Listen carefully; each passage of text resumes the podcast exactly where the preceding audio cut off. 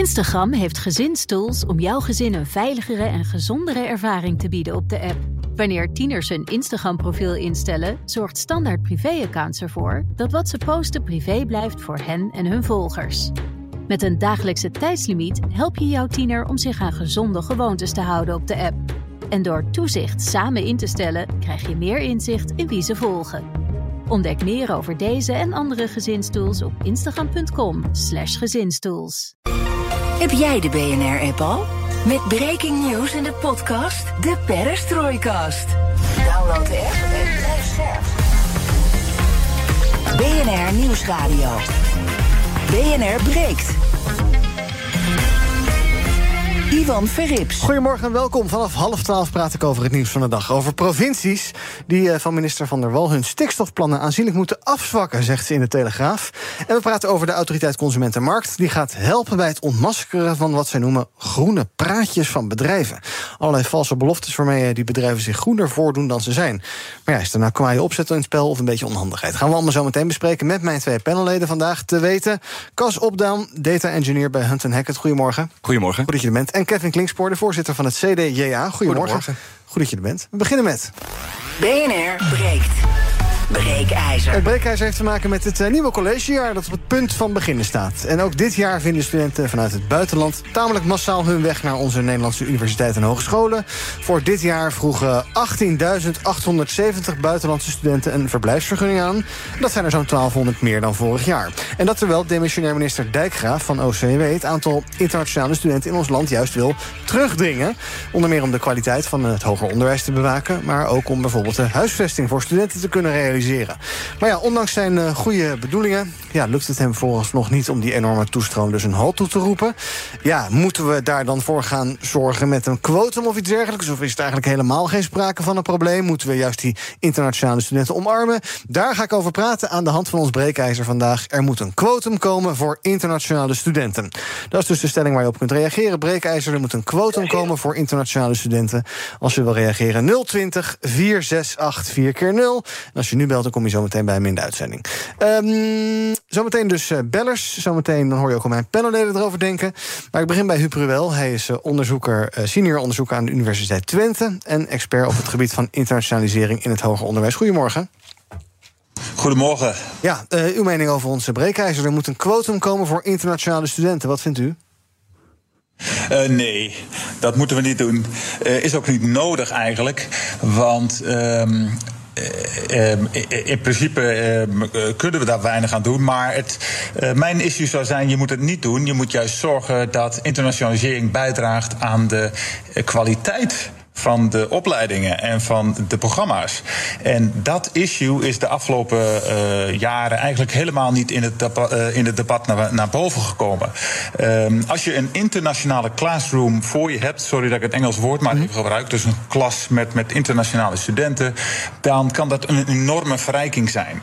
Maar dat kost wel wat moeite. Daar moet je ook als docent, als instelling, wat moeite voor doen om dat te gebruiken en de kwaliteit van je uh, colleges of je of de workshops of de werkcolleges te verbeteren. En dat kan. Ik heb er zelf ook onderzoek naar gedaan. Ik heb er zelf ook mee geëxperimenteerd. En dat kan heel erg goed. En dat vindt de student ook een verrijking. Ja. Dat issue is te weinig uh, gebruikt. Maar dat zou meer moeten worden gebruikt. Want uh, ten tweede, uh, dat is mijn issue. Het hoger onderwijs, maar het onderwijs in de volle breedte in Nederland is van een relatief hoge kwaliteit. Uh, het is een fantastisch middel ook om Nederland uh, en de Nederlandse samenleving en haar waarden uh, te promoten. En, en buitenlandse studenten te laten zien wat het betekent om in een land als Nederland, in een samenleving als de Nederlandse, te opereren. En wat dat vraagt. Ja. Dus het is ook een wellicht zelfs de beste manier om uh, Nederland uh, om eigenlijk aan ontwikkelingswerk te doen, wat ooit ook eens in het ver verleden best steviger op de agenda stond. Uh -huh. Uh, en daarmee ook um, ja, de, de uh, bij te dragen aan vrede, veiligheid en ontwikkeling. Ja, en vindt u dat we dan nu eigenlijk te veel focussen, ook in het uh, debat hierover, op kwantiteit en te weinig op kwaliteit dus? Het gaat altijd maar over te veel. Ja, en, absoluut. Ja. Dat is het. Ja. Ja, oké. Okay. Ik kom zo bij je terug. Dan praten we even uitgebreid verder. Ook over die cijfers. Uh, waar het dan ook op kwalitatief gebied misgaat. Eerst doe ik een rondje met mijn panel. Ons breekijzer. Er moet een quotum komen voor internationale studenten. Nou, Cas, zeg het maar. Ja, ik ben het wel grotendeels mee eens eigenlijk. Want uh, vooral met huizen. Ik heb zelf op een, uh, in een studentencomplex gewoond in het verleden. Ja. En daar was het ook gewoon enorm. Daar was al heel veel concurrentie van Nederlandse studenten. Laat staan dat het internationale studenten zijn. Dus we hebben al een groot woningprobleem. Uh, ja, ik denk wel dat je het moet laten samenvallen met dat, die twee zaken. Zo, er is een woningtekort en er zijn te veel internationale studenten. Dus denk ik dat een quotum wel realistisch is. Ja, en maar dat is eigenlijk meer vooral omdat we nu praktische problemen hebben. Niet zozeer principieel dus. Nee, nee, want ik, dit grotendeel van de internationale studenten komt uit de EU. Mhm. Dus het is niet echt een vorm van ontwikkelingssamenwerking, denk ik. Uh, dus ja, ik, ik denk dat je daar best wel iets harder in mag zijn. Oké. Kevin, wat vind jij? Ja, deels eens. En dan wil ik er wel een onderscheid in maken tussen uh, studenten die van binnen de EU komen en van buiten de EU. Mm Um, kijk, we hebben gewoon ook een groot woningtekort als het gaat om studentenkamers. 27.000 is het tekort op het moment. Um, ja, en Nederlandse universiteiten, mag ik hopen, zijn er ook om ja, onze bevolking uh, op te leiden. Mm -hmm. Ja, en wanneer dat gaat knellen, uh, moet je inderdaad wel naar dit soort draconische maatregelen kijken. Daarnaast kun je nog een principieel argument erin gooien. Kijk, als je iemand uit China hier hebt studeren die, nou ja, ik zeg maar wat psychologie studeert of uh, iets in Wageningen doet in, in de voedselmiddelenindustrie. en daarna weer naar China gaat om daarbij te dragen aan economie. Ja, in hoeverre uh, moet je je dan afvragen, wil je dat faciliteren? En mm -hmm. vind je dat normaal, zeg maar? Ja, Oké, okay, dat zijn allemaal goede vragen. Uh, zometeen gaan we naar onze bellers. Eerst maar een paar dingen aan meneer Ruel voorleggen. Um, uh, die huisvesting, dat is een praktisch probleem. Dat uh, zal niemand ontkennen. Um, maar dan zeggen mijn twee panelleden hier eigenlijk... ja, dan is het misschien toch goed om er even een stop op te zetten. Maar dat zegt u niet. Nee, klopt. Ik, ik vind de huisvesting met alle respect, dat is een issue. Dat is in sommige delen van Nederland een belangrijker probleem dan in andere. Maar het is niet een instellingsprobleem. Dat is eigenlijk een probleem als, als, als samenleving, als gemeente, als, als overheid. Om te helpen, om te zorgen, maar dus ook de instellingen, om te zorgen voor goede huisvesting. Mm -hmm. eh, maar dat zou zeker niet uh, moeten leiden tot een quotering. Je had veel harder kunnen werken om die huisvesting uh, uh, beter te kunnen faciliteren. Mm. Dus die twee dingen moeten we echt uit elkaar houden. Het zou jammer zijn als je het ene gebruikt om, om het goede van de internationalisering uh, eigenlijk um, te. te, te uh, ja, te uh, er een barrière voor, voor op te werpen. Dat is gewoon jammer. Dus die twee dingen moet je uit elkaar houden. Ja. Huisvesting is een issue. Had al lang voor een deel beter gefaciliteerd kunnen worden. Kan nog veel beter. Maar is een overheidsinstellingsprobleem, geen onderwijsprobleem. Kevin? Nou ja, goed, uh, in principe moet, moet je die twee uit elkaar houden. Maar ondertussen is dat tekort zo groot dat je dat niet meer uit elkaar kunt houden. Kijk, uh, het is ook belangrijk om in te zien wat voor grensuniversiteiten wat die bijdragen. Zo Maastricht die heeft ook heel veel uh, toekomst van, van, van Belgische en Duitse studenten. En daar wil ik ook mijn ogen niet voor sluiten. En dat is echt hartstikke belangrijk. Um, en ik wil ook dat deze twee dingen gescheiden zijn. Maar ja, we hadden meer bij moeten bouwen. Het punt is nu eenmaal, we hebben ze niet. Dus ja, ja dan moet je gewoon naar dit soort draconische maatregelen kijken. Ja. Ik zou het ook liever niet willen. Nee, maar ja. wat jou betreft, nou, Kas? Ja, is dan niet de essentiële vraag die we onszelf moeten stellen... wat draagt dit nou eigenlijk bij aan de samenleving? Want -hmm. zijn de kosten en de baten nog steeds uh, realistisch genoeg... om dit te blijven ondersteunen? Blijkbaar niet, want heel veel van die studenten gaan denk ik ook weer weg... wat je net ook al aangaf, naar China of zoiets. En we hebben gewoon een enorm woningtekort. Dus dat, dat staat wel zeker, uh, heeft wel zeker te maken met het, met het studentenprobleem... of is onderdeel ervan. Oké, okay, voordat we naar de bellers gaan, dan bespreken we die kwestie nog even met meneer Ruel. Ook dat blijven en dergelijke. Uh, wat, wat weten we daarvan? Studenten, buitenlandse studenten die hier in Nederland komen studeren, uh, gaan die daarna en masse weer terug? Of valt dat wel mee? Um, ik denk dat een belangrijk deel inderdaad teruggaat. Maar wat is het probleem daarvan? Wat is het probleem daarmee? Wat we zouden kunnen doen, is bij die aanmelding wat kritischer zijn. Waarom komen studenten hier naartoe? Um, dus de instellingen. Um, want uh, op zichzelf is er niks mee, uh, mis mee om kennis te delen. En dat doen we zelf ook. Wij halen graag onze kennis van, uh, vanuit het buitenland. En nu plotseling gaan we zeggen: Nou, het mag niet meegenomen worden naar het buitenland. Dat is een beetje het idee van. Nou ja, het, het, het liberale idee van, van een, open, een, een, een, vrije wereld. Mm -hmm. maar ik zou daar in die zin wat kritischer op zijn door te kijken waarom komen studenten hier nu studeren. En, en dat kan om verschillende redenen zijn. Als dat puur alleen maar is omdat hier het goedkoper is, of oh, doordat sommige partijen wel eens zeggen: ja, maar dan gaat men profiteren van een aantal goede uh, faciliteiten in, in Nederland, dan is dat wellicht niet de goede motivatie. Dus je kunt bij die intake kritischer zijn. Uh, kijken naar motivaties, uh, een gesprek voeren met de internationale studenten, wat overigens ook vaak al gebeurt. Uh, maar je moet, dat, je moet kennis delen je moet dat onder voorwaarden doen. Zeker als we kijken naar de wereld waarin we nu leven, waarin we toch wat uh, international relations, dat is een ander vakgebied voor me, uh, toch wat, uh, wat, wat lijnen, breuklijnen gaan zien. Dus je moet voorzichtig zijn. Hè. Die Chinese student of een Russische student in Nederland, met alle respect voor het individu, maar daar kun je toch wat kritisch op zijn. Uh, maar als zodanig moet je dat uh, niet, uh, geen barrières voor opwerpen. En het draagt echt ook bij aan, aan, aan, aan, aan, aan Nederland. Want we krijgen er ook best veel terug. Wij halen ook onze kennis graag uit het buitenland. Laat ik het daar maar even bij laten voor dit moment. We gaan naar onze bellers. 020 468 4 keer 0 Breekijzer, er moet een quotum komen voor internationale studenten. ik ben heel benieuwd wat jij vindt. Nu bellen kom je zo in de uitzending. Even kijken, wie hangt er al het langste te wachten? Ja, Rob, goedemorgen. Ja, goedemorgen, iemand met Rob uit de Bult. Ja, ik ben het eens met de stelling. Ook hier hebben wij de grenzen van wat mogelijk is, hebben wij bereikt. En Johan Remkes heeft terecht gezegd, uh, niet alles kan. Kijk, het is deze studenten, ja, dat is een verdienmodel voor de universiteiten. Zo ligt het gewoon. Het komt de doorgeschoten marktwerking. En die mensen worden in het buitenland worden die geworven met allerlei mooie verhalen. En dan komen ze uiteindelijk hier naartoe, dat hoor je heel veel. En dan staan ze hier en dan zien ze dat het heel moeilijk is voor huisvesting. En dan velen die van wat, wat, wat minder gesitueerde afkomst zijn, die belanden dan in een tentje of in een hondenhok wat dat betreft. Ik vind het is totaal onverantwoordelijk. En ik vind op dat, op dat punt moeten ook de universiteiten hun maatschappelijke verantwoordelijkheid nemen. Niet alles kan gewoon. He, uh, we moeten dit gewoon beperken, wat mij betreft. Rob, dank voor het bellen. Uh, meneer Berends, goedemorgen. Oh, meneer Berends, goedemorgen. Ja, goeiedag, ik ben er weer. Uh, het volgende is heel makkelijk op te lossen. Ik heb het gezien in de Filipijnen. Ik heb heel veel uh, voor oh. gewerkt. De studenten zijn te verwend. En ze moeten gewoon kamers delen. Dus één kamer kunnen makkelijk drie mensen op slapen.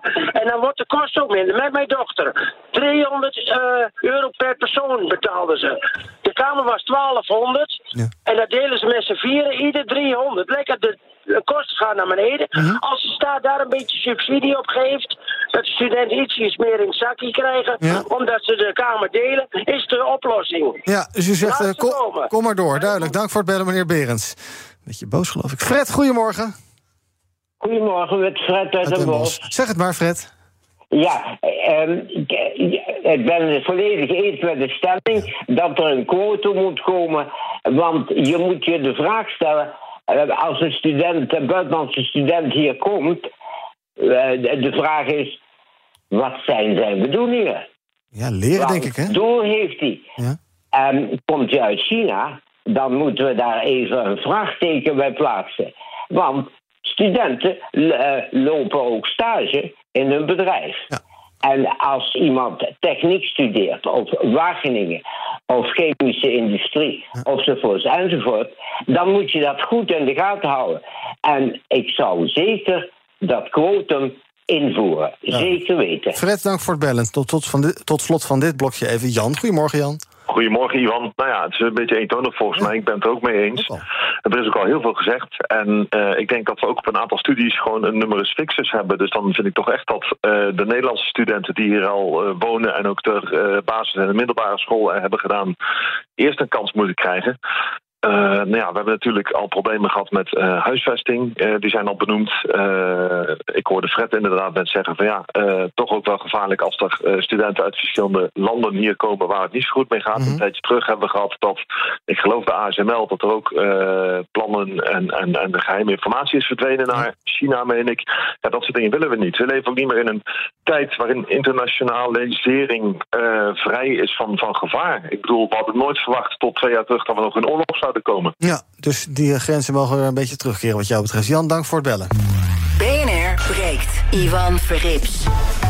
020 468 4 keer 0 Er moet een quotum komen voor internationale studenten. Dat is ons breekijzer vandaag. Als je wil reageren, pak je nu je telefoon. En dan uh, praat je zo meteen nog uh, mee in de uitzending... ergens in de komende zeven minuten. Ik praat in mijn panel met uh, Kevin Klingspoor van het CDJA. En Cas Opdam, hij werkt voor Hunt Hackett. En ook bij hem is Huub Ruel. Hij is onderzoeker bij de Universiteit Twente... en weet alles van internationalisering in het hoger onderwijs. En nou, heel veel dingen gehoord, meneer Ruel. Ehm, eerst maar even kijken. die onderwijsinstellingen verdienen aan de buitenlandse studenten, was iets dat ik hoorde. Uh, die krijgen natuurlijk een vergoeding hè, voor studenten. Is dat, is dat inderdaad een verdienmodel? Want dat beeld hoor je wel vaker, dat die, dat die, dat die universiteiten allemaal lekker werven op uh, banen, op, uh, op markten in het buitenland. En dat ze er slapend rijk van worden. Ja, dat is onjuist. Even gewoon heel helder. Met name heb ik het over publieke universiteiten in Nederland. Voor de bacheloropleidingen betalen de EU-studenten uh, in feite het tarief wat alle studenten moeten betalen. Dat is nu één keer binnen Europa zo geregeld. Dus een Nederlands student die in Finland gaat studeren, gaat daar bijvoorbeeld gratis het programma studeren. Want in Finland is er geen collegegeld. Mm uh, maar voor studenten buiten Europa, die betalen in feite gewoon de kostprijs. Uh, dat, kan, dat gaat om zo'n 10, 12 of 14.000 euro. En sommige kleinschalige opleidingen mogen hogere bedragen vragen. Maar dat zijn in feite gewoon kostprijs. Dus voor bacheloropleiding bij publieke instellingen is het uh, internationale studenten is geen verdienmodel. Oké, dan het maken van uh, onderscheid. Uh, want u zei het ook al, je zou misschien bij de ingang wat beter moeten vragen van... goh, wat komen mensen hier doen? Waarom komen ze hier? Ik hoor ook uh, oproepen net bij de bellers van... ja, mensen uit China moeten dat nou nog wel willen? Mensen uit Rusland moeten we dat nog wel willen? Steun je daarmee niet het regime van Poetin? Kan je al dat soort onderscheid maken? Of is het nu heel erg, ja, iedereen die zich aanmeldt moet je binnenlaten? Uh, nee, dat, dat is een issue inderdaad, zoals u zegt, dat uh, adresseerde ik al. Uh, je moet wat diep beter kijken, wat komt die student doen? En inderdaad ook selectiever zijn in de landen, hm? zeker in de wereld. Ja. Dat was ook een van de... Maar mag dat nu ook? Of... Vraagstellers, de inbellers benoemden dat. We leven niet meer in die onschuldige wereld. Leeft het wellicht nooit, maar we zijn dat ons nog bewuster geworden dat die wereld niet meer zo onschuldig is. En uh, dus China, Rusland, zo kun je meerdere landen uh, ja. noemen waarvan je zegt, ja, dat moeten we niet willen. Nee. Dat zou ook voor de interesse, voor, voor, voor, voor het debat vind ik wel interessant om te benoemen, dat we wellicht ook wat scherper moeten kijken naar het feit dat. Uh, kijk, onderwijs in Nederland, onderwijs hier is wat we noemen westers, gebaseerd op westerse waarden. Mm -hmm. De studenten die hier komen, moeten dus ook geïnteresseerd zijn in, het, in, in die waardenzet. Uh, als ik naar China zou gaan en daar gaan studeren, dan zou ik mij verdiepen in China. Ja. Dan zou ik bijvoorbeeld taal gaan leren. Ik zou ook ervoor zijn, en dat wordt nu ook voorgesteld door de minister, om te zeggen: Nou, alle uh, studenten zou je een, een Nederlandse les moeten aanbieden. Want taal is de sleutel tot cultuur. Dus als je hier komt studeren, kom je niet zomaar bij een internationale instelling die toevallig in Nederland staat studeren. Nee, je komt bij een instelling studeren die in Nederland staat. In de Nederlandse samenleving, waarin de kennis die daar ontwikkeld wordt ook voor een deel contextueel is. En dat is interessant, dat is waardevol. Uh, dus alle buitenlandse studenten moeten ook uh, Nederlandse les krijgen aangeboden. Okay. Uh, om op die manier uh, dieper en beter in contact te komen met die samenleving. Dat idee wil ik even voorleggen in mijn panel hier. Uh, is dat een goed idee, uh, Kas, denk jij? Dat we gaan zeggen van nou, prima als je hierheen komt... ook al is het maar voor een paar jaar, maar dan ga je wel Nederlands leren. Ja, ik weet niet wat dat nou. Wat, wat los je nou met taalles op, op, het, op met het woningtekort? Ik bedoel, dat, niet zoveel. Niet zoveel. Nee. En ook, ja, ik, hoe relatief is het als het onderwijs toch nog steeds in het Engels is? En ja, er gaan meer Nederlandse lessen komen. Maar gaat het helemaal de, de lading dekken? En als je niet uit een Europees land komt, is Nederlands dan ook niet extreem moeilijk en uh -huh. kost dat echt meerdere jaren? Ik, ja. En daarmee kan je dus misschien een soort van selecteren dat mensen die geen zin hebben moeite te doen, die komen dan niet. Ja, maar ja, misschien, neem, misschien uh, doen ze het alsnog, komen ze alsnog. Want ze denken, ja, die taalles kan ik skippen of kan ik overslaan. Hm. Uh, maakt me niet uit. Ik kom hier voor de studie en niet voor uh, een taalles. En na, ja, na vier jaar ga ik weer weg. Ja. Ik, ik, zie het een beetje als een druppel op de gloeiende plaats, zou ik het zo zeggen. Ja. Laten we even... Kevin, kort ja, zo meteen meneer wel, ogenblikje. Kevin, eventjes over dat Nederlands ook. we zien nu bacheloropleidingen. Daar was het idee van, nou, die moeten we eigenlijk grotendeels wel in het Nederlands aanbieden. Ehm, goed idee? Nou ja, uh, ik wilde net zeggen dat we het volgens mij al gaan doen. Inderdaad, minister ja? Dijkgraaf heeft volgens mij aangekondigd... dat twee derde, twee derde opleidingen weer, uh, weer in het Nederlands gegeven moet gaan worden. Dus ja, dat, uh, dat lost zichzelf eigenlijk op. Ik denk op zich wel een goed idee. Nogmaals, wat ik ook aan het begin zei... Nederlandse universiteiten zijn er ook voor Nederlandse jongeren... om zichzelf te ontwikkelen. dan is het logisch dat een groot deel van het curriculum... gewoon in het Nederlands gegeven wordt. En ja, dan mag je inderdaad verwachten van buitenlandse studenten... dat als zij hier willen studeren aan onze prestigieuze universiteiten... dat je dan ook misschien een deel Nederlands leert. Ja. Kijk, en er blijft een deel uh, Engels gegeven worden. Ja. Hè. We moeten uh, onze ogen ook niet helemaal sluiten voor internationalisering. Dat is ook een mooi principe. Uh, maar we moeten ook in oogschouw nemen gewoon alle praktische nou ja, hè, maxima die ja. we hebben, waar we tegenaan lopen. Meneer Ruel? Uh, ja, dank. Uh, even over die taal. Inderdaad, uh, we kunnen denken dat Nederlands een heel klein taalgebied is en een moeilijke taal is. Maar welke taal is niet lastig? Hè? We kunnen denken dat Engels en Duits makkelijk zijn. Maar ik mocht zelf uh, uh, ook anderhalf jaar, uh, daar had ik zelf voor gekozen om Hongarije wat dieper en beter te leren kennen. Mm -hmm. En ik kreeg Hongaarse les aangeboden. Hongaars is extreem moeilijk, vind ik. Mm. Ik zeg het maar even. En, maar ik vond het super interessant om te doen. Om op die manier ja, ook wat dieper in, in, in de samenleving te kunnen komen. Ja. En zonder dat had ik, was me dat niet gelukt. Nee. Spreekt u nog een beetje Hongaars? Dat, Want ik hoor, ik hoor... Een tweede element om daar maar even vooruit te lopen. Ja. Laten we ook vooral denken aan wat voor voordeel het kan zijn als je een internationale klas hebt. Ook in het uh, ROC, MBO, uh, praktijkonderwijs. Super belangrijk. Maar stel dat je zoon of dochter niet meteen graag zelf naar het buitenland wil. En hij komt in zijn eigen klas mensen uit het buitenland tegen. Mm. Nou, daar kun je zo fantastische dingen mee doen. Dat is een fantastische leerervaring gewoon bij, bij, je thuis, bij wijze van spreken. Dat noemen we dan internationalization at home. Weer met zo'n Engels woord. Maar het, draagt weer bij, het kan weer bijdragen aan die kwaliteit. Ja, voordat ik naar de laatste bellers ga, nog even dat Hongaars. Zit dat er nog een beetje in of niet? Want ik hoor Orbán soms babbelen en ik kan er echt geen uh, touw aan vastknopen. Maar dat kan ook een Nee, nee, nee. Uh, Kussen hem betekent uh, hartelijke dank. En um, de groeten. hotje badje is hoe gaat het met u en, en, dat soort dingen. Heel mooi, daar toch wat van opgestoken. Tom, goedemorgen. Goedemorgen. Zeg het maar. Ja. Ik wil even focussen op het huisvestingsprobleem. Ja. Uh, de oplossing ligt volgens mij dat uh, universiteiten verplicht worden om campussen te bouwen waar alle studenten worden gehuisvest. Dat zie je in Amerika ook. Als je daar naar de universiteit gaat, dan heb je gewoon uh, inwoning en ook -hmm. nog kosten erbij. En als de universiteiten daar zelf verantwoordelijk voor worden en dus ook de huisvesting de beperkende factor wordt, dan gaan ze zelf reguleren. Nou, duidelijk. Dank voor jouw oproep. Laten we zo nog even verder praten. Kort over het huisvesting. John of John, goedemorgen. Uh, ja, dank u wel. Ja, de vorige beller die gaf dus al precies het uh, de antwoord wat ik ook had. Oh. In Amerika en in Engeland dan hebben ze gewoon campussen bij de universiteit waar de studenten gehuisvest worden. En waar we het net over hadden, de taal, dat vind ik gewoon uh, op het moment dat studenten in Nederland komen studeren, inderdaad de Nederlandse taal een verplicht vak moet zijn. Want op het moment dat de student is afgestudeerd en er later in het bedrijfsleven handel gedreven moet worden, is het altijd voor Nederland altijd prettig als je ook in je eigen taal je dingen kan doen. We ja. hebben natuurlijk Engels, dat is uh, wereldwijd een taal, maar het is op zakelijk gebied en economisch gebied ook voor Nederland belangrijk, voornamelijk met onze internationaal gerelateerde bedrijven, mm. dat we gewoon in onze eigen taal ook kunnen communiceren. Dank voor het bellen. Tot slot, Peter, goedemorgen. Goedemorgen. En u bent uh, president van de Business School Wittenborg, lees ik hier.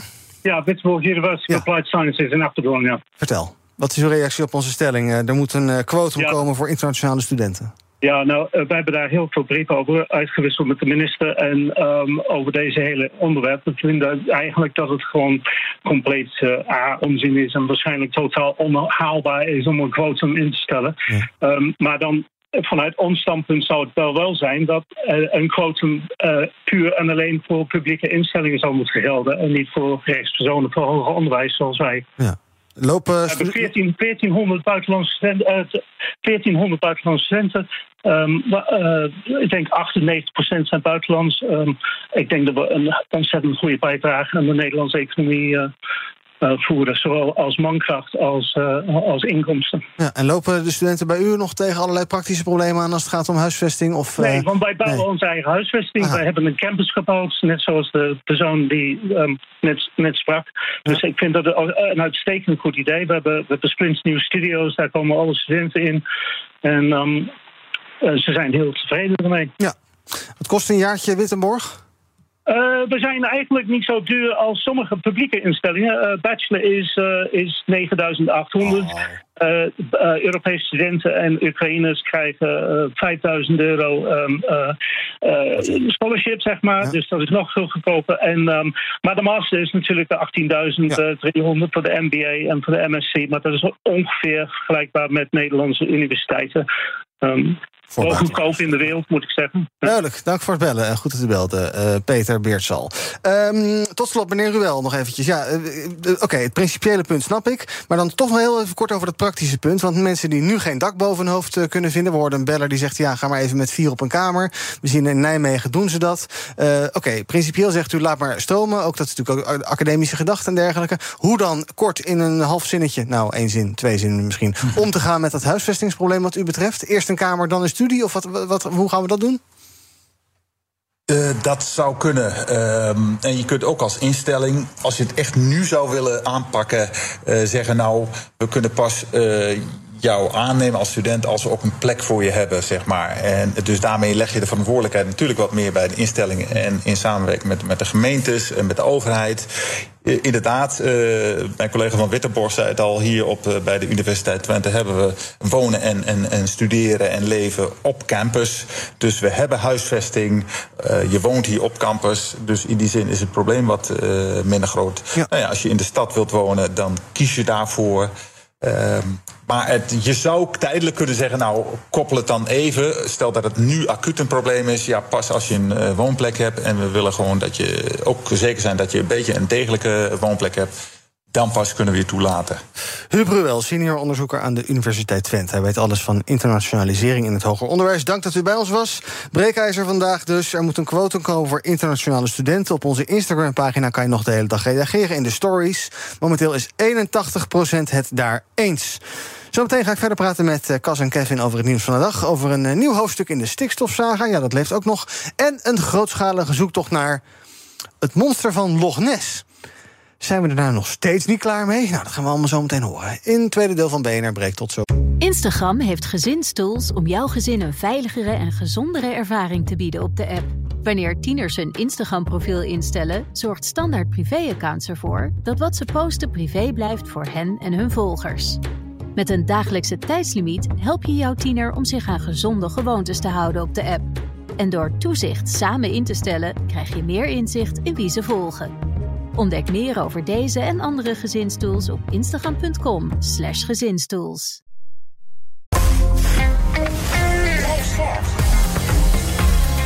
BNR Nieuwsradio. BNR breekt. Ivan Verrips. Welkom terug paneltje vandaag met Kevin Klingspoor, voorzitter van het CDJA... en Cas Opdam, data engineer bij Hunt Hackett. En we gaan praten over het nieuws van de dag. Provincies die hebben op eh, verzoek van het kabinet... aan het begin van de zomer een eh, plan gemaakt... voor de stikstofreductie en het verbeteren van de natuur in hun provincie. Maar die plannen die moeten flink worden afgezwakt. Dat meldt demissionair minister Christiane van der Wal in de Telegraaf vandaag. Zij vindt de plannen, die in totaal zo'n 58 miljard euro moeten kosten, onrealistisch want dat geld is er niet. Het totale stikstoffonds, dat er überhaupt ook nog maar eerst moet zien te komen, moet 24,3 miljard euro bedragen. En zelfs daarop moet wellicht nog bezuinigd worden. Gezien het uh, nou, toch wat economisch onrustige uh, weer waar we in zitten. Um, en dan zei ik net al, uh, ja, dan vraag je om plannen te maken. Is het weer niet goed, Kevin? Ja, nou ja, we hebben met elkaar afgesproken dat de provincies dit gaan uitvoeren. Nou, zwaar, dan gaan ze dat doen. En dan komen ze met een kostenplaatje van 58 miljard. Ik vind het op zich frappant dat de minister daar uh, verbaasd over is. Het ministerie van Landbouw was toch van oudsher de uitvoeringsorganisatie van de overheid. Dus ik kan me toch hopen in te schatten dat, zij dat, uh, dat ze die 58 miljard wel hadden verwacht. Maar goed, uh, ze is verbaasd. 24 miljard, ja, dat, uh, dat is beschikbaar. Dus dat, dat komt tekort. Wat ik eigenlijk nog gekker vind, is dit zegt ze vandaag in de Telegraaf. En dan staat erbij dat ze komende maand formeel dat gaat zeggen aan de provincies. Mm -hmm. nou ja, ik hoop dat ze niet de gedeputeerde vanochtend heeft overvallen met de Telegraaf op, op de keukentafel. Nee, nou, waarschijnlijk is het antwoord daarop dus wel, inderdaad. Ehm, maar dat er zeiden, zijn, zijn die plannen van die provincies, kijk, we kennen ze niet allemaal uit ons hoofd en ik heb al niet, echt niet al die documenten doorzitten akkeren. Maar er zijn provincies die hebben, geloof ik, een derde van die 24 miljoen helemaal opgeëist. Uh, dan snap je ook wel, dat gaat er niet komen. Dus zijn die provincies nou een soort veelvraten? Of is uh, mevrouw van der Wal een uh, vrek? Ja, misschien is het een gebrek aan landelijke sturing. Kijk, er zijn gewoon provincies zoals een Overijssel of een Gelderland... die enorm veel stikstof moeten reduceren vanwege het aantal Natura 2000 gebieden. Dan snap ik dat zij een enorme aanspraak doen op die 24 miljard. Dus ik weet eigenlijk niet of het een, een, een onrealistisch bedrag is van de provincies. Ik denk eerlijk gezegd dat ja, het Rijk gewoon onderschat... hoeveel deze massa-operatie gaat kosten. Ja, Uh, Cas, is het überhaupt, was dit nou een hele slimme manier om te zeggen... we gaan uh, dat, dat uitkopen van die piekbelasters, dat gaan we landelijk doen... en voor de rest gaan we dan provincies de uitvoering laten doen. Dus dan krijg je inderdaad twaalf plannen met twaalf kostenplaatjes. En waarom neemt Den Haag daar geen regie op? Is dat wel goed om dat decentraal te doen, denk jij? Nou, in eerste instantie is het denk ik wel goed om het decentraal te doen, omdat je dan als provincie veel beter weet wat lokaal de problemen zijn. Maar ik denk dat, ja, dat, dat je, het hele bedrag zegt het eigenlijk al zichzelf, over zichzelf. Dit is eigenlijk niet uh, decentraal op te lossen. Je moet iets meer centrale regie komen om iets meer sturing te geven over waar het geld heen gaat. En ik, lijkt me, ik vraag me dan ook af, waar gaat dan, waar gaat dan als het bedrag twee keer de helft is, dus het is mhm. twee keer zoveel, uh, 20, iets van 20 plus miljard. Waar gaat het geld dan precies heen? Ja is misschien, hebben ze wat, wat ruim, alles wat ruimer genomen of, wat, of niet misschien. Zou ik ook doen, want dan kan je nog een beetje indikken daarna. Ja, precies. Dus hoe zit dat precies? En ik denk dat daardoor een landelijke overheid wel echt moet ingrijpen en moet durven keuzes maken. En ook moet zeggen: oké, dit is te veel, dit is te weinig. En daar gaat nu wel geld heen. En daar weer niet. Ja, met als gevolg dat je misschien je doelen niet haalt als het gaat om stikstofreductie. Ja, maar dat is dan, je bent in ieder geval wel het praktisch aan het oplossen. Ik denk dat, dat je wel even in je handjes mag knijpen dat de Nederlandse overheid eindelijk even dit uh, probleem gaat aanpakken. Na al die jaren van uitstel, afstel en niet een keuze maken over stikstofmaatregelen. Nou ja, in je handjes knijpen. Uh, eh, 80 of 24 miljard, maar, sorry, 80, 60 of 24 miljard, maakt niet zoveel uit hoeveel het wordt. Uh, betalen wij met z'n allen. Dus dat is ook wel iets waar je misschien in je handjes om kan knijpen, maar misschien ook wel ruil om kan zijn. Ja, je, kan er heel ruig om zijn, maar we hebben ook als samenleving uh, jarenlang besloten dat we een hele grote agri-industrie zijn gaan opbouwen. Mhm. Dus ik denk wel ja, dit is gewoon de kosten van een economische, economische sector die we nu met z'n allen gaan opvangen. Uh, ja, ik, uh, ik denk dat het wel terecht is dat, dat, dat, je mag korten en dat, je, dat er überhaupt geld uh, vrijkomt en dat de industrie niet eens mee betaalt. Ja. We hebben dus eh, dit fonds, we hebben ook nog dat klimaatfonds. Uh, Rob Jette komt ook nog eventjes uh, in een zijlijntje in het interview aan het, aan het woord. De missionair minister die over klimaat gaat. Die hoopt op ja, steun van de Kamer dat dat klimaatfonds dat het gewoon overeind blijft. Ehm, ja, daarvan kan je dan ook zeggen, god gaat dus economisch wat minder slecht. lenen is duur geworden. Nou, laten we dat maar allemaal een beetje down, downsizen. Ja, en dat is het gevaar met de komende periode. De Kamer gaat straks uh, besluiten wat, uh, nou ja, wat niet meer besloten mag worden door het demissionaire kabinet. Uh, en, en ik ben gewoon bang dat de stikstofaanpak en ook inderdaad de klimaataanpak, die gaat daar gewoon onder horen. en los van wat je vindt van wat er moet gebeuren, ik denk het kostenplaatje zal alleen maar toenemen hoe langer je wacht. Hè. We hebben straks in november verkiezingen. Nou, gooi je er tenminste nog een half jaar formatie bovenop. Dan zit je dus volgend jaar rond dit tijdstip dat er weer een missionair kabinet zet die dat weer door kan, kan gaan voeren met hm. Plannen. Ja, dat, uh, nou ja, we kunnen eigenlijk niet wachten. Dus wat dat betreft, dat zou ik nog eens in de mix willen gooien. Uh, de tijd, dat hebben we ook tegen ons. Ja, uh, maak je er ook zorgen om dat, dat, we, dat je een jaar stilstaat? Op zich, wat is een jaar nou op een, uh, op een aardeleven? Ja, ik maak me ook op zich wel zorgen, want dit is de zoveelste dossier wat niet door wordt gezet door het kabinet. Weet je, je hebt ook klimaat, je hebt ook uh, je, het lerarentekort uh, heb je bijvoorbeeld. Dus waarom, we kunnen als Kamer is de hoogste uh, macht in Nederland. Dus waarom zou je dan meteen dingen niet meer kunnen behandelen alleen omdat er geen uitvoerende overheid meer is met een, met een, demo, ja, met een parlementaire meerderheid? Ik vind dat je als heel parlement hier best over kan beslissen en best wel wat gaan lijnen gaan uitzetten over voor de toekomst. Dan gaan we praten over een ander onderwerp. Vandaag lanceert de Autoriteit Consument en Markt een uh, nieuwe campagne. En heet Groene Praatjes. Waarin ze consumenten willen gaan waarschuwen voor bedrijven die onjuiste of onduidelijke claims maken op het gebied van duurzaamheid.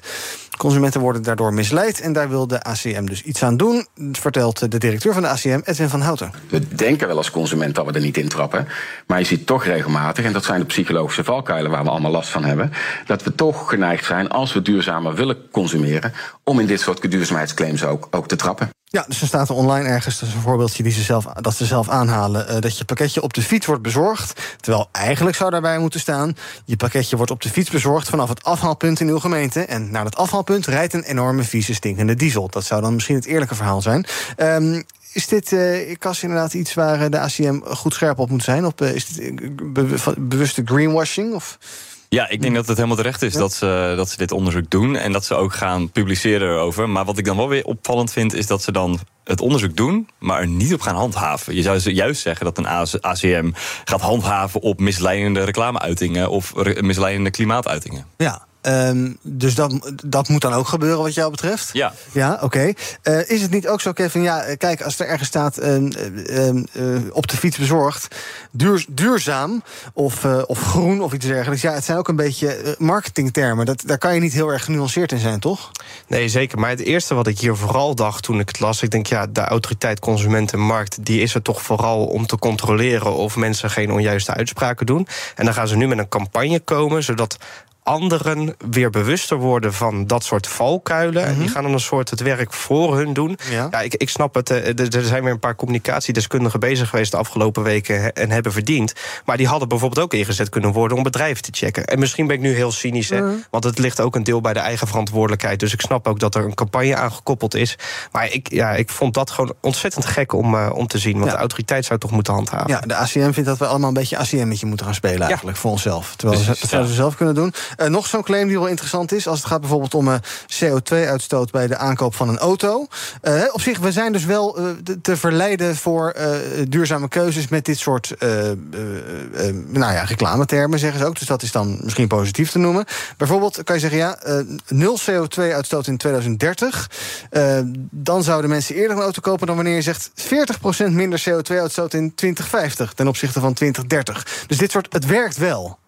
Ja, want ik denk, ik denk als jij een cola koopt zonder suiker, een cola light, ja, dan, dan denken mensen, oh, dat is handig. Ik kan wel lekker cola drinken en niet al die 10 miljoen suikerklontjes uh, in mijn buik krijgen. Nou, dat is mooi. Ik, tuurlijk werkt het wel, maar daarom moet het ook eerlijk en daarom moet het ook best wel gewoon aangepakt worden door de ACM en niet door ons, onze consumenten. Ja, we kunnen wel een keuze maken, maar we kunnen niet uh, verwachten van iedereen dat we altijd maar de verantwoordelijkheid nemen om een juiste keuze te maken. Ja, dus prima om voor te lichten, maar als je uh, blaft, dan moet je ook bijten. Precies. Gaan we nog even praten over uh, het onderwijs, want de scholen zijn weer begonnen. Althans in het zuiden van het land, in Midden-Nederland, daar zitten ze in de tweede schoolweek. En de Noord is volgende week aan de beurt. De start van het nieuwe schooljaar gaat niet overal gemakkelijk, want één op de negen kinderen begint zonder leraar. Waarschuwing van de AOB, de Algemene Onderwijsbond, vanochtend bij nu.nl, maar de afgelopen tijd al op allerlei andere media, kranten enzovoorts. In de zomervakantie is er volop gezocht naar leraren. Maar ja, het tekort blijft een probleem. En dus zien scholen zich genoodzaakt tot allerlei tijdelijke oplossingen. Denk aan uh, klassen die worden samengevoegd, uh, onbevoegden die worden ingezet. Er wordt even een vader of moeder van het schoolplein getrokken. Of zelfs een vierdaagse schoolweek. Lange termijn oplossingen blijven uit. En de AOB zegt ook: we hebben eigenlijk structureel al jaren 10.000 FTE tekort in het onderwijs. Um, en waarom? En AOB zegt ook, er is decennia lang geen goed beleid gevoerd op dit onderwerp. Waarom gaat dit toch zo lang mis, Kevin? Vinden we het blijkbaar gewoon niet belangrijk genoeg onderwijs? En, uh, laat, ja, laat, laat, kinderen maar lekker bungelen. Zeer herkenbaar. Ik, ik heb een tijdje voor de klas gestaan, onbevoegd. Ook om inderdaad zulke tekorten uh, in te halen. Ik heb wiskunde, natuur, scheikunde gegeven in die periode. Hartstikke leuk overigens, maar ja, ik was wel onbevoegd. Uh, en dat zijn gewoon pleisterplakwerk op een enorm structureel probleem. Namelijk dat we gewoon niet genoeg hebben geïnvesteerd in het onderwijs de afgelopen jaren. Nou ja, goed, de AOB komt dan nou ja, met de hogere salarissen en minder werkdruk. Ja. Over dat eerste, nou goed, volgens mij zijn we daar al aardig mee bezig. Maar even op dat tweede. Nou ja, bijvoorbeeld meer dan de helft van de, uh, van de leraren die werkt parttime. Mm -hmm. uh, en nu is het niet mijn pleidooi om die allemaal fulltime te gaan laten werken. Maar je moet even daarachter zoeken. Waarom werken die mensen zoveel parttime?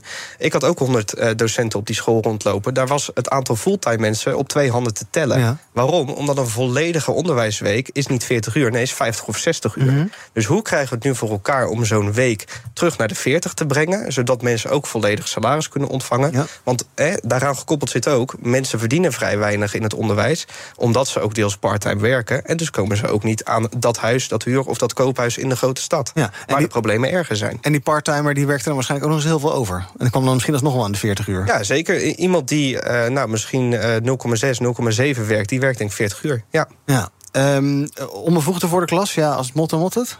Ja, sowieso. Dus het blijft, blijft een gek idee natuurlijk. Maar... Ja, en ik, oh. ja, ik denk dat het is een. Ja, het, je moet wat als, denk ik, als school. En dan moet je maar dit soort dingen gaan doen, denk ik. Ja, het, het, is, het is wat het is, denk ik. Ja. Bij mij hadden ze ook gewoon nog voldoende, sorry. Ja? ja.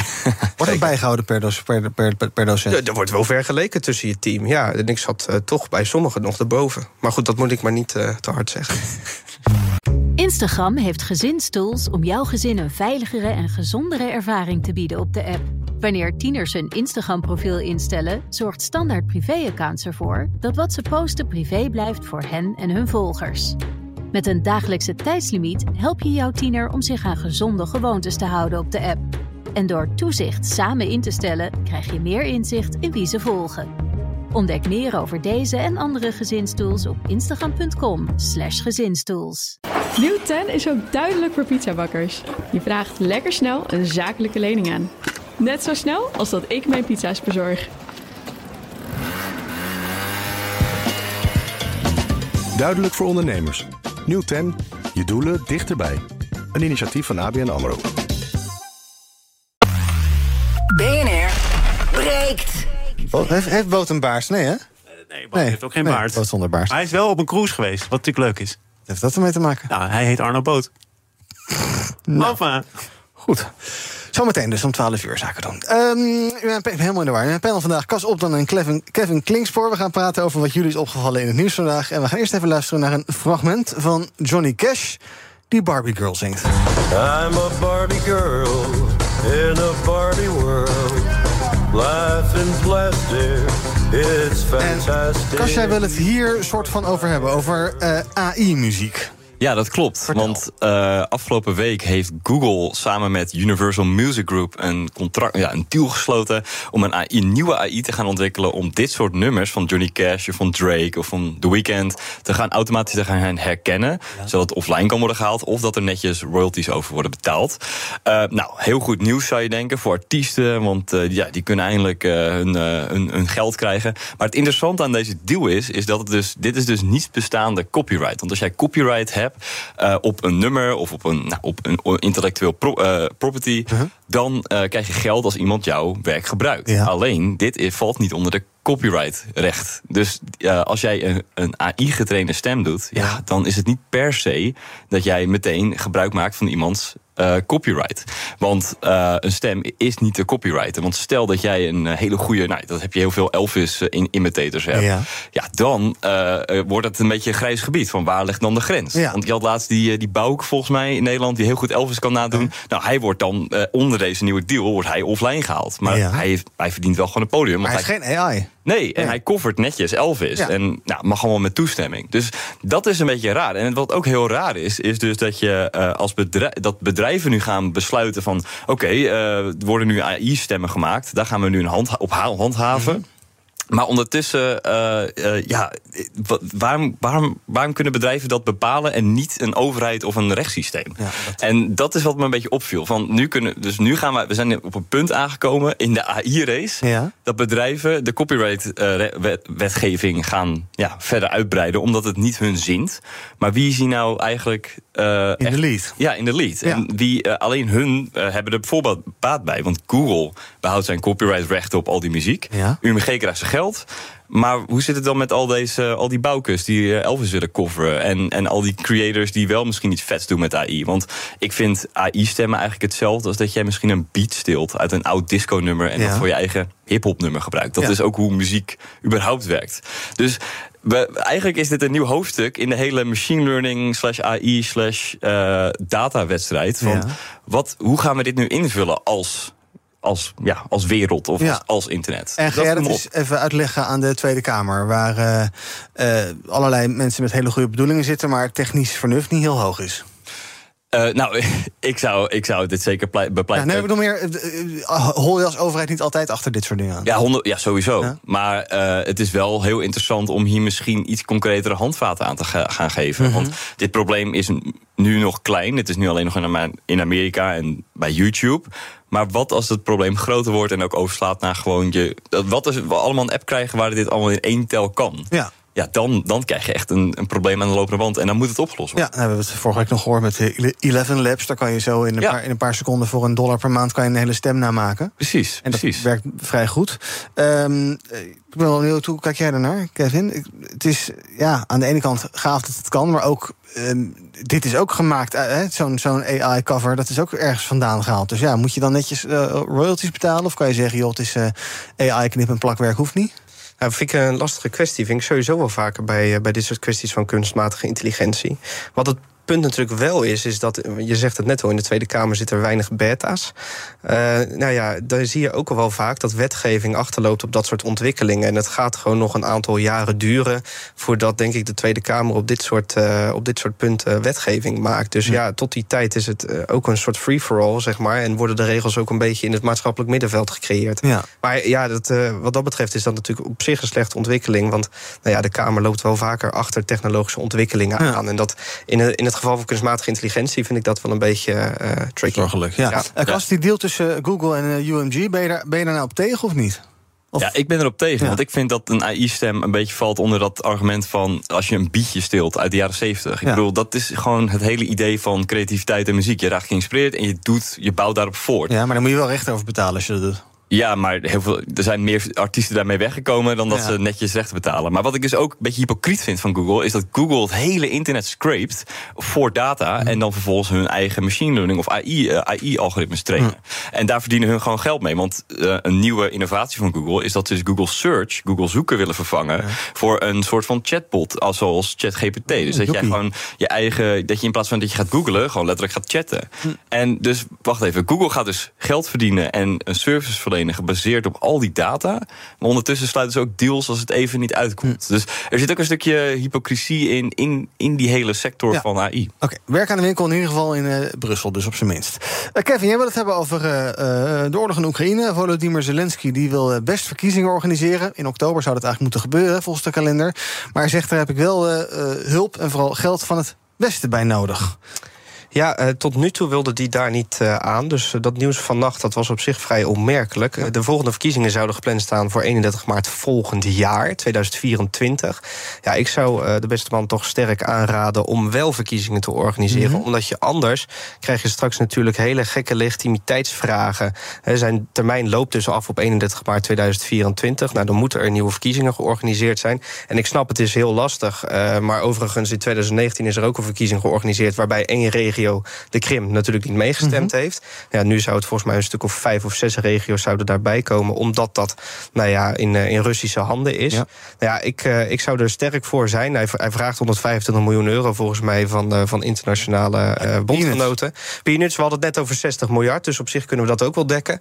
Eh, ik zou daar sterk voorstander van zijn, want dan ja, voorkom je straks hele gekke legitimiteitsvraagstukken als hij zijn termijn overschrijdt. Ja, ik weet niet of mevrouw Ollongren nog is... maar dan kan ze misschien die 125 miljoen even overmaken. Hebben dat ook maar geregeld. Eh, eh, hij zegt dit nu omdat Lindsey Graham in eh, Oekraïne was... Hè, de Republikeinse senator. Die zegt van, joh, onderscheid je nou van de Russen... en ga wel die verkiezingen doen. Je zou ook kunnen denken, ja, in zo'n in zo'n tijd als nu... heeft zo'n land ook stabiliteit nodig. Dus is dat nou zo slim? Zeker. Ja, je moet je afvragen of uit zo'n verkiezing een andere uitkomst komt. Je zou ook in. eh, het, het is ook niet gek, hè? De, de Verenigde Staten, eh, alhoewel eh, ze waren niet bezet in die, in, in, in die tijd, heeft ook verkiezingen in 1944 gehouden. Maar er zijn ook voorbeelden. Anderzijds, Nederland heeft tijdens de bezette periode natuurlijk geen verkiezingen gehad. En dat gaf hele gekke situaties dat op een gegeven moment de Kamer terugkwam. Nou ja, een, een deel was overleden in de kampen, een deel was collaborateur en werd uit de Kamer gezet. Eh, dan krijg je dus hele gekke legitimiteitsvraagstukken. En om dat te voorkomen, juist ook omdat Graham zegt: onderscheid je van Rusland. Je hebt een ander waardekader. Organiseer alsjeblieft verkiezingen, want dan, ja, dan zet je je echt af tegen dat soort autocratische tendensen. Ja, en als we kijken hoeveel tientallen miljarden er wereldwijd naar Oekraïne gaan... dan moet die eh, 100 miljoen ook geen probleem zijn, toch? Ja, nou, ja, kijk, en het is natuurlijk veel wel moeilijker. Hè? Er moeten ook internationale waarnemers naar de frontlinie en dat soort dingen. Dus er zit natuurlijk wel een stuk meer aan dan alleen maar geld. Maar eh, nou ja, het, de democratie heeft ook een prijskaartje. Het mag ook best wat kosten. Doen, zeg jij dus. We gaan kijken wat trending is op de socials. Nou, bovenaan in de lijstjes uiteraard. Niemand zet Max Verstappen de voet dwars. Hij wint voor de derde keer op rij hier op Zandvoort. En doet dat op een geweldige manier. Ja, en vandaag genieten de F1-fans nog na van het spektakel aan de kust. Zandvoort is nog steeds trending. Het duurt nog enkele weken voordat de boel is afgebouwd. Ik geloof dat eh, 3 miljoen mensen het hebben zien gebeuren gistermiddag. Eh, Nanninga is trending. De, ehm, eh, een van de naamgevers eh, van eh, Ja 21. Eh Europarlementariërs eh, van die partij die stapten op uit de partij... en uit de kritiek op de medeoprichter Annabel Nanninga dus. En tot slot zien we trending Lampedusa. Op dat eiland is zondag een recordaantal... namelijk 4200 vluchtelingen aangekomen in een opvangcentrum daar.